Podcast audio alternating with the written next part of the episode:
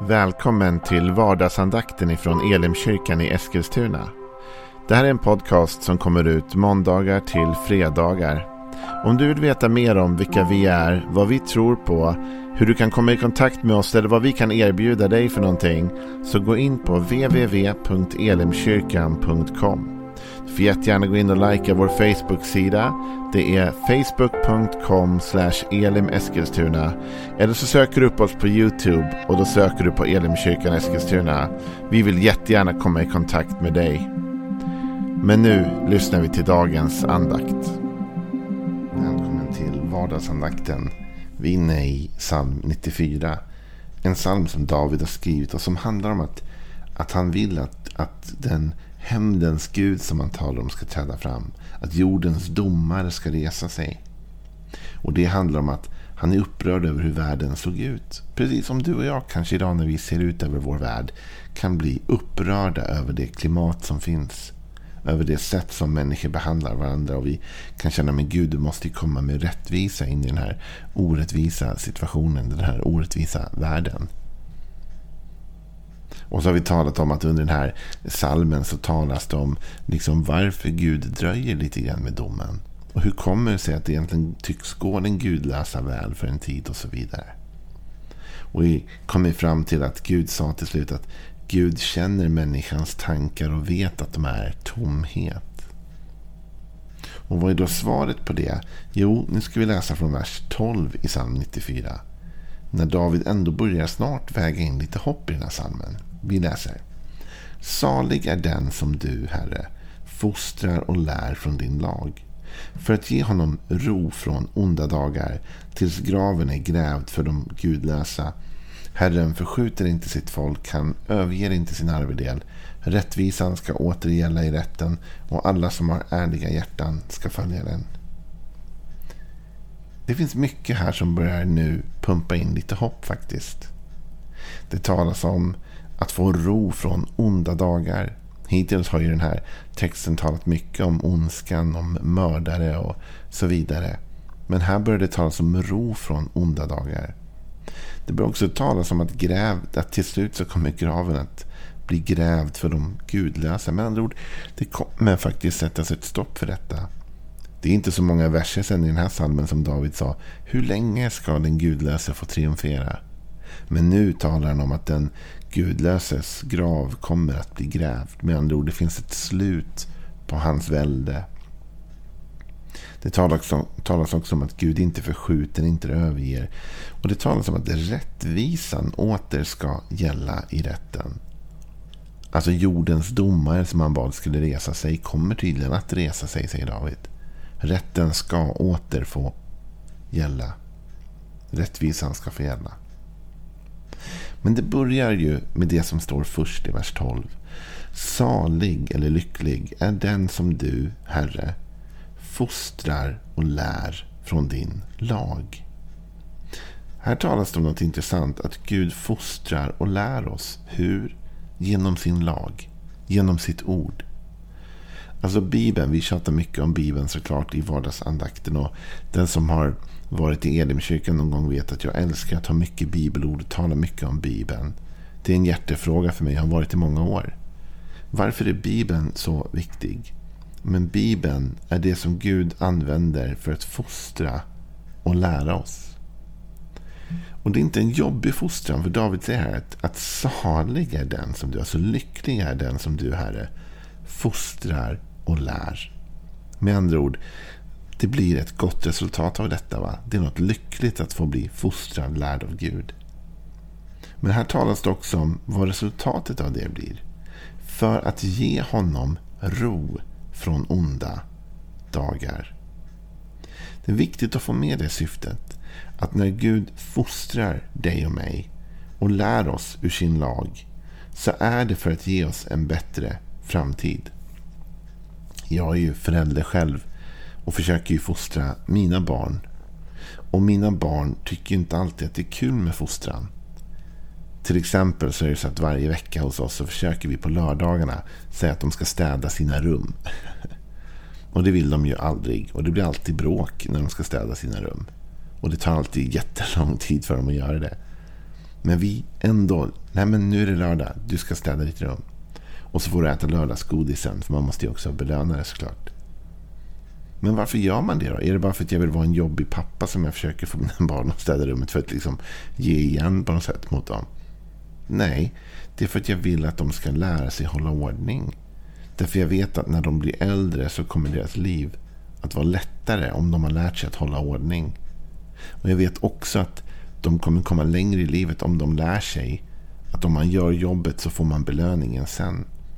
Att liksom göra något för någonting. Så jag försöker fostra dem på det sättet. Varför försöker jag få iväg mina barn till skolan fast de ibland inte vill? De tjatar. Nej, de vill inte till skolan. De vill hellre vara hemma. Liksom trivs bra här. Varför försöker jag ändå få ner mina barn till skolan? Därför jag vet att de behöver lära sig. Och varför? Jo, för att gynna dem för deras framtid. Att skapa en bättre framtid. Du vet, Gud har inte gett dig och mig Bibeln för att vara jobbig mot oss. Gud har inte gett dig och mig Bibeln för att tynga oss.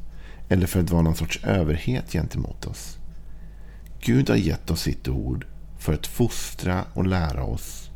För att vi ska få ro från onda dagar. Gud vet vad du och jag behöver göra och hur vi bör leva för att undvika ondskan och undvika de onda dagarna. Och han har gett oss en guidelining, en map liksom över detta som vi kan följa.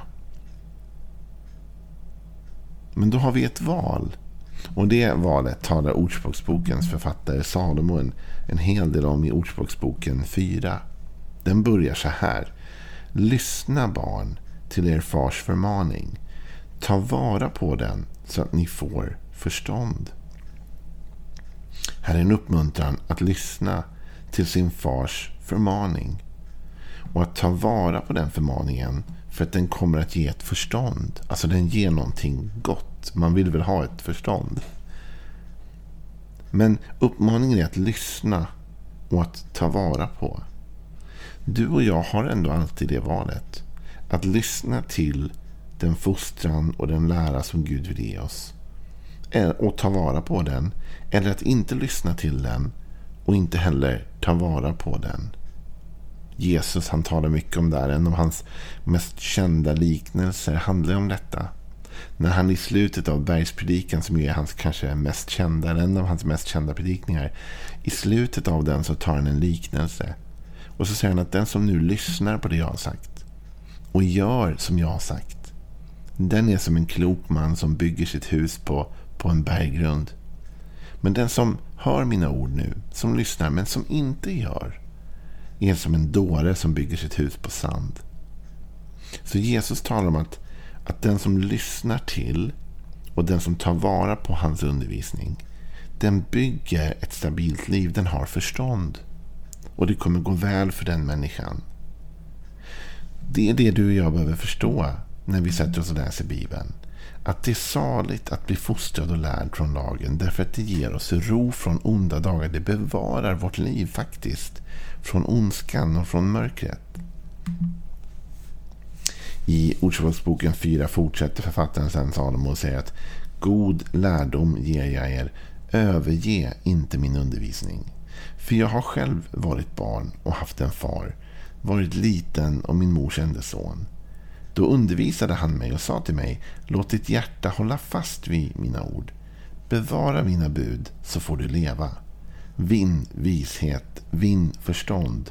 Glöm inte vad min mun har sagt och vik inte av ifrån det. Överge inte visheten så ska hon bevara dig. Älska henne så ska hon skydda dig. Visheten är det viktigaste. Vinn vishet, vinn förstånd med allt du äger. Håll henne högt så ska hon upphöja dig. Hon ger dig ära när du omfamnar henne. En skön krans ska hon sätta på ditt huvud och en ärekrona ska hon räcka dig. Det är en fantastiskt vacker text. Både lite poetiskt men också innehållsmässigt. Det handlar om att ta vara på. Att inte överge undervisningen. Och så säger författaren att han själv har varit barn och haft en far och en mor med andra ord, han vet ju själv hur lätt det är att inte ta vara på och inte lyssna till. Men han säger här att han blev undervisad när han var liten. Och att de hade sagt till honom att hålla fast vid orden, att bevara buden. Varför? Så får du leva. Glöm inte vad min mun har sagt och vik inte av ifrån det. Och så står detta, överge inte visheten så ska hon bevara dig. Du vet, du och jag, när vi tillåter att Gud med sitt ord fostrar oss. Då så helt plötsligt bygger vi en bättre framtid för oss själva. Så du och jag måste börja förstå detta. När vi läser saker i Bibeln ibland som är fostrande. Det vill säga vi kanske läser någon bibeltext som vi tycker är jobbig. Som vill mana oss till förändring på något område. Det finns ju sådana bibelverser som kanske när vi läser dem känner vi oh, här behöver jag bättra mig.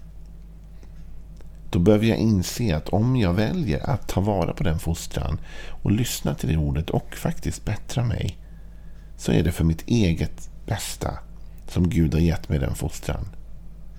Det kan ju vara till exempel den text där Jesus säger att vi ska vända andra kinden till om någon slår oss på den ena.